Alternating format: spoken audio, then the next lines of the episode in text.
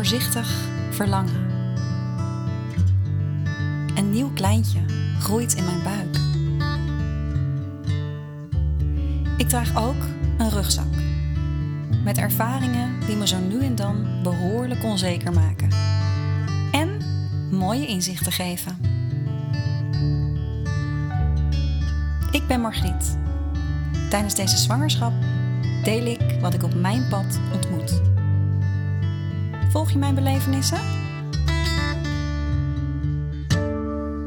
Week 9 van mijn zwangerschap. Vorige week heb ik je verteld over uh, mijn zwangerschap tot en met week 8. Heb je die gemist, dan is het misschien handig om die eerst even te luisteren. Um, en vandaag deel ik mijn nieuwe belevenissen en ontdekkingen van afgelopen week um, met jou. En ervaringen die jou hopelijk ook iets moois gaan geven. Want uh, zwanger zijn na een verlies, eerder verlies uh, van een kindje, of een lastig voortraject, uh, ja, dat is toch wel even anders dan er gewoon een soort van blanco in je zwangerschap staan. En misschien hoor je het al, ik zit niet binnen, ik zit in Limburg in een veld. Vraag me niet precies welk veld. Maar wij hebben met ons gezinnetje een um, weekje vakantie in Limburg. En uh, het is heerlijk zacht weer.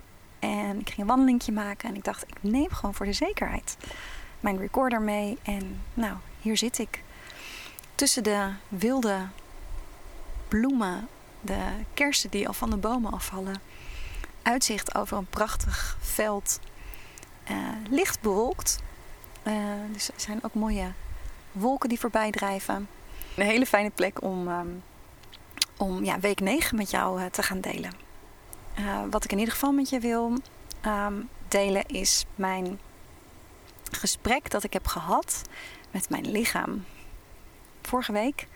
Um, ik heb je al iets over verteld in, in een andere podcast. Ik had wat donkere afscheiding. Een beetje bruinige afscheiding.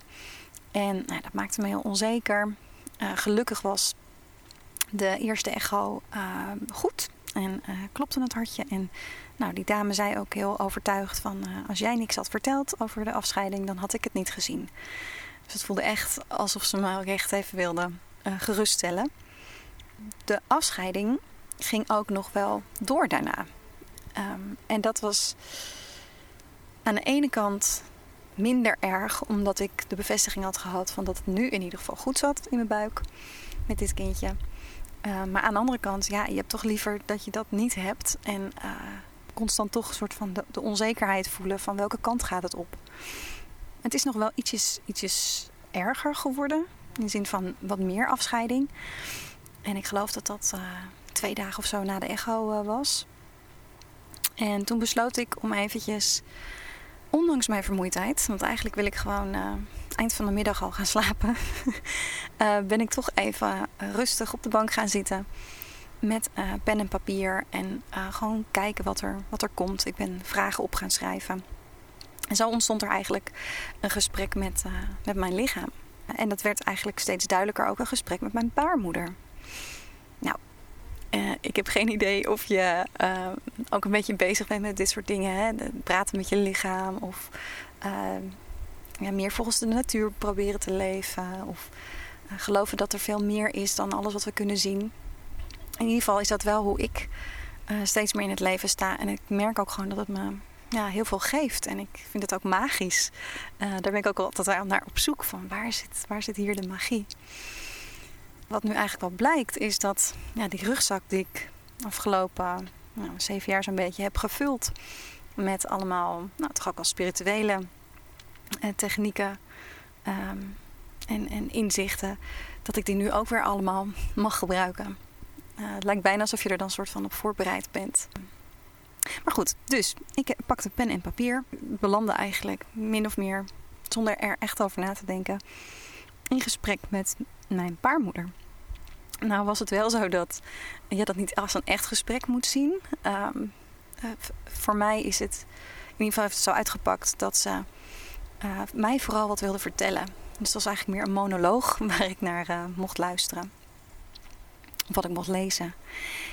En het heeft me een paar hele mooie inzichten gegeven. En die, nou ja, die deel ik graag met je. Want ik vroeg dus bijvoorbeeld van, hè, wat, wat betekent dit? Ehm, dit deze afscheiding? Ehm, wat betekent dat nou? Want ik voel me er heel onzeker over. Maar ja, waarschijnlijk weet jij daar meer over dan ik. In de zin van dat mijn baarmoeder daar meer over weet. Ja, wat, wat, ze, wat ze teruggaf, uh, of wat, wat mij te binnen schoot, was ehm, dat het erbij hoort. En dat het er niet voor niets is. En dat ik me er ook niet per se zorgen over hoef te maken. Uh, ze zei: uh, Zie je de wijsheid die daarin zit? Hè? Zorgen maken. Je maakt ze. Je hoeft ze niet te maken. Dat, dat was eigenlijk al een eerste inzicht. Dat ik dacht: Oh ja, weet je, ik zie iets wat niet helemaal klopt in mijn beeld. heb ik ook nooit tijdens de zwangerschap van mijn dochter Senna gehad. Dus ik denk meteen: foute boel. Niet zo heel erg gek natuurlijk vanwege het verlies uh, van mijn kindje eerder dit jaar. In het begin van de zwangerschap. Maar toch, ik ga best wel snel naar die conclusie dan dat het niet goed zit. Dus dat was al een mooi inzicht van je hoeft je niet, die zorg hoef je niet te maken. Totdat het zover is, hoef je, hoef je het niet te maken voor jezelf.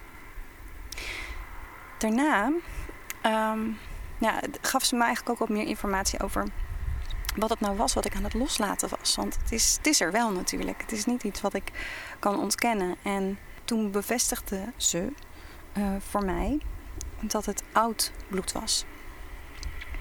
Want het is uh, donker van kleur. Um, licht, lichtbruin, donkerbruin. Dus ze zegt van dat is iets ouds wat ik nu loslaat. Um, uh, wat, wat ook goed is dat ik dat nu loslaat voor het kindje wat in jou groeit. Nou, eigenlijk in een soort van samenvatting is dat uh, de informatie die ze. Um, hij rijdt een hele grote vrachtwagen voorbij. Met hooibalen erop. Heerlijk. het platteland. Um, dus dat is eigenlijk in de samenvatting wat ze mij meegaf. Is van je hoeft je geen zorgen te maken.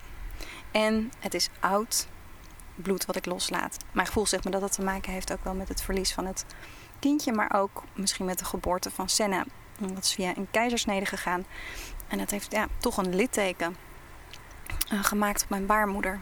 En uh, dat hoeft helemaal niet ernstig of schadelijk of gevaarlijk te zijn, maar het zit er wel. En dat is wel iets wat misschien nu weer een soort van geactiveerd wordt of wat weer een stukje verder um, genezen mag worden. Dat was in ieder geval het gevoel dat ik kreeg. En ook na afloop, toen ik het ook zo teruglas, uh, dacht ik: Wauw, wat zit er veel wijsheid in ons lichaam. En in mijn lichaam en in mijn baarmoeder. En mijn baarmoeder weet het echt veel beter dan mijn hoofd. Mijn hoofd schrikt, want het ziet iets wat, niet, uh, wat, er, wat er eerst niet is, die, die afscheiding, en maakt zich meteen zorgen. Uh, maar ik ben meer dan dat. Ik ben ook nog de rest van mijn lichaam. En ik mag ervan uitgaan dat mijn lichaam altijd uh, het beste met me voor heeft. En altijd dat doet wat op dat moment nodig is. En dat geloofde ik al met mijn hoofd. Maar nu heb ik het ook echt een soort van gevoeld. En ook die waardering voor mijn baarmoeder. En wat ik daar ook aan, aan over heb gehouden, dat iedere keer als ik zag dat het een beetje donkere afscheiding was, ehm, in plaats van dat ik dan tegen mezelf zei van uh, heb vertrouwen, wat een beetje een loze, uh, loze term begon te worden, omdat ik het niet echt voelde, omdat die angst zo hoog groot was, ben ik gaan zeggen: Dankjewel, baarmoeder. Dat jij doet wat je kunt doen. En ik vertrouw erop dat jij het beste doet wat jij ja, mag doen. En dat, uh, dat hielp. En, en, daarna is het eigenlijk ook gewoon afgezwakt. Uh, dus het voelde voor mij ook als een soort van bevestiging van dat ik dat mocht weten. Dat mijn baarmoeder gewoon, net als ik, uh, mijn he gehele systeem, inclusief dat kindje, doet heel erg zijn best om gewoon een mensje te worden. En ja, hoe het gaat lopen, dat weten we natuurlijk niet. Maar uh, ja, het was heel erg mooi om op die manier uh, echt ook even die verbinding te voelen met, met mijn lichaam. En de wijsheid die daarin zit. En toen ben ik trouwens gewoon uh, gezellig op vakantie gegaan. En toevallig gisteren was er weer wat afscheiding. En het was eigenlijk gestaag soort van weggegaan. En ik moet zeggen, dat voelde toch als een opluchting. Ehm, en ik bleef wel kijken van oké, zit er echt niet iets op mijn wc-papiertje of in de wc-pot? Dus dat, ik merkte dat ik daar eigenlijk wat losser in begon te worden. En toen ineens was er toch dus weer wat. Dat, eh, ik, dat bracht me eigenlijk meteen weer terug naar die onzekerheid. En ik, ik was me er wel bewust van. Ik dacht, oh, ik, ik, zat, ik, zat, ik zat daar op de wc. En ik dacht, oké, ik kan nu kiezen. Ik kan nu weer dat zorgen maken paadje ingaan. En ik voelde die emoties al ja, opkomen, zeg maar. Of ik kan er op een andere manier mee om proberen te gaan. Uh, dus ik was me er wel echt bewust van dat, het, um, nou, dat ik daar deels ook wel een keuze in heb. En toch werd ik weer onzeker ervan. Want dan ga je denken, waarom is het dan nu weer terug? Of uh, ben ik toch blij met, met een zwangerschap die toch niet helemaal goed loopt of zo? Op de een of andere manier ben ik bang dat ik te blij ben en het te veel aan het vieren ben. Um, en dat het dan straks toch misgaat. Terwijl ik dat zo zeg, denk ik, ook als het misgaat, mag ik het natuurlijk gewoon vieren. Want het is er nu wel. En, en iets wat daarmee samenhangt is ook um, en mijn, dochter Senna van drie jaar, die um, nou, ook weet van de zwangerschap en ook meeleeft en af en toe een kusje op mijn buik geeft. En toen ik nou, begin van het jaar zwanger was, toen vond ik dat natuurlijk allemaal heel leuk en lief. En toen bleek het niet goed te zitten. En toen heeft zij er best wel last van gehad. Dus ik merk dat ik er nu ook wel voorzichtig in ben. Dat niet te veel ga benoemen van hè, het broertje of zusje dat komt. Of, um, ik merk dat ik toch een bepaalde rem daarop zet. En ook zeg van uh, en de volgende echo, dan gaan we het zien of het goed zit. En aan de ene kant wil ik het ook niet te zwaar maken. Het is tenslotte ook maar een meisje van drie. Maar aan de ene kant, ik kan er ook niet volledig in meegaan van nou hier komt een broertje en zusje. Of een broertje of zusje. Het is er eentje. Dat hebben ze wel uh, ontdekt tijdens de echo. Dus ja, dat zijn de dingen waar ik wel ja, bewust mee bezig ben. En wat ik gewoon lastig vind. En ben ik wel benieuwd als, uh, uh, als jouw verhaal een beetje op het mijne lijkt. Namelijk dat je opnieuw zwanger bent. Na het verlies van een eerder kindje. ja, hoe jij er dan mee omgaat. En hoe voorzichtig je bent. Um, of hoe los je het misschien ook gewoon laat. Want dit is natuurlijk weer een hele nieuwe ervaring. En dat zeg ik ook steeds tegen mezelf. En het is niet een, een repeat waar ik op zit. Uh, het gaat sowieso heel anders verlopen. Uh, hoe? Nee, dat weten we niet. En dat is ja, de magie van het leven. Dus nou ja, goed. Ik merk wel dat die onzekerheid er zeker um, af en toe is. En um, wat ik dan in ieder geval ook doe, is ik deel het met mijn man Frank. En uh, die gaf nu eigenlijk ook wel heel duidelijk aan van... oeh, ik merk dat je stemming zakt. Hij had ook zoiets van, kijk, uh, het hoeft niet een slechte act te zijn. Het is bijna alsof ik opnieuw vorige week een beetje mag beleven van... oké, hoe sta je er nu in, Margriet? Nu je een gesprek hebt gehad met je baarmoeder... nu je bevestiging hebt gekregen... Um, hè, dat het allemaal ergens voor en dat alles voor jou aan het werk is... Eh, en voor deze zwangerschap. Hoe ga, je er, hoe ga je er dan mee om? In ieder geval uh, ben ik weer een stukje bewuster. Dat, ik, uh, dat het toch ook een deels een keuze is om me echt grotere zorgen te maken dan dat op dit moment nodig is. En zoveel mogelijk in het moment leven. En ja, toch ook echt wel genieten van die, van die zwangerschap. En wat ook goed voor mij werkt, is dus de natuur ingaan. Want op het moment dat je zwanger bent, ik weet niet hoe dat met jou zit of zat.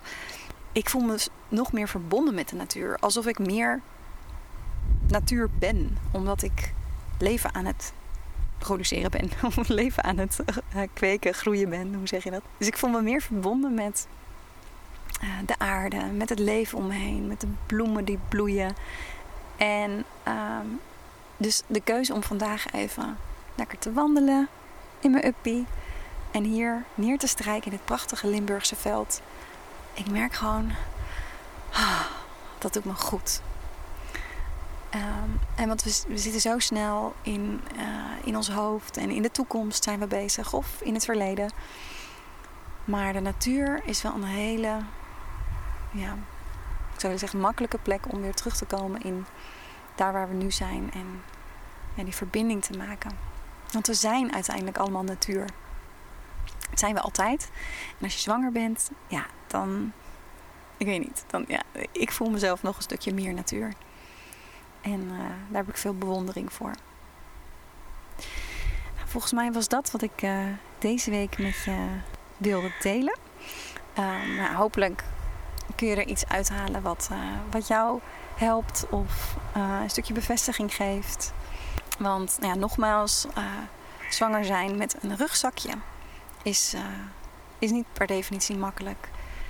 En, dit kan ik nu zeggen op week 9, het is ook heel mooi om mee te maken. Want ik ben me echt zoveel bewuster van alles lijkt het wel.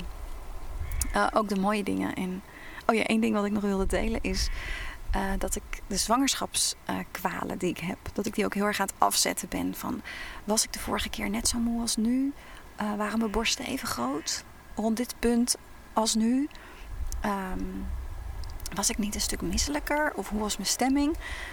Dus ik ben het nu heel erg aan het um, vergelijken met de zwangerschap eerder dit jaar. Ook wel een beetje om daar zekerheid uit te halen. Van, nou, maar het is toch anders. Um, en ja, ik merk een verschil. Ik merk dat ik uh, mijn stemming positiever is. De vorige keer was ik een beetje chagrijnig moe. En nu ben ik uh, positiever moe. Maar nog steeds echt gigantisch moe. En ja, wat zegt dat? Wat zegt dat? Dat zegt dat je zwanger bent. en dat, je, uh, ja, dat er energie gaat naar, uh, naar dat hele kleine, piepkleine druifje in je buik ik denk dat ik dit vooral even voor mezelf hardop zeg. Van wat je ook voelt, het is oké. Um, het is er, dus het mag er zijn. En uh, neem het waar. De magie van het leven. Uh, ik wens je een hele fijne week. En ik hoop dat je volgende week weer, uh, weer afstemt. En voor nu heel veel liefs uit Limburg. Hopelijk heb je genoten van deze aflevering van Voorzichtig Verlangen en heeft het je iets gebracht. Wanneer dat zo is, dan maak je me heel blij met een positieve beoordeling. Misschien ken jij iemand die nu zwanger is en ook onzekerheid ervaart. Dan is deze podcast voor haar en mag je hem zeker delen. Meer weten over mij? Bezoek dan bloeifactor.com.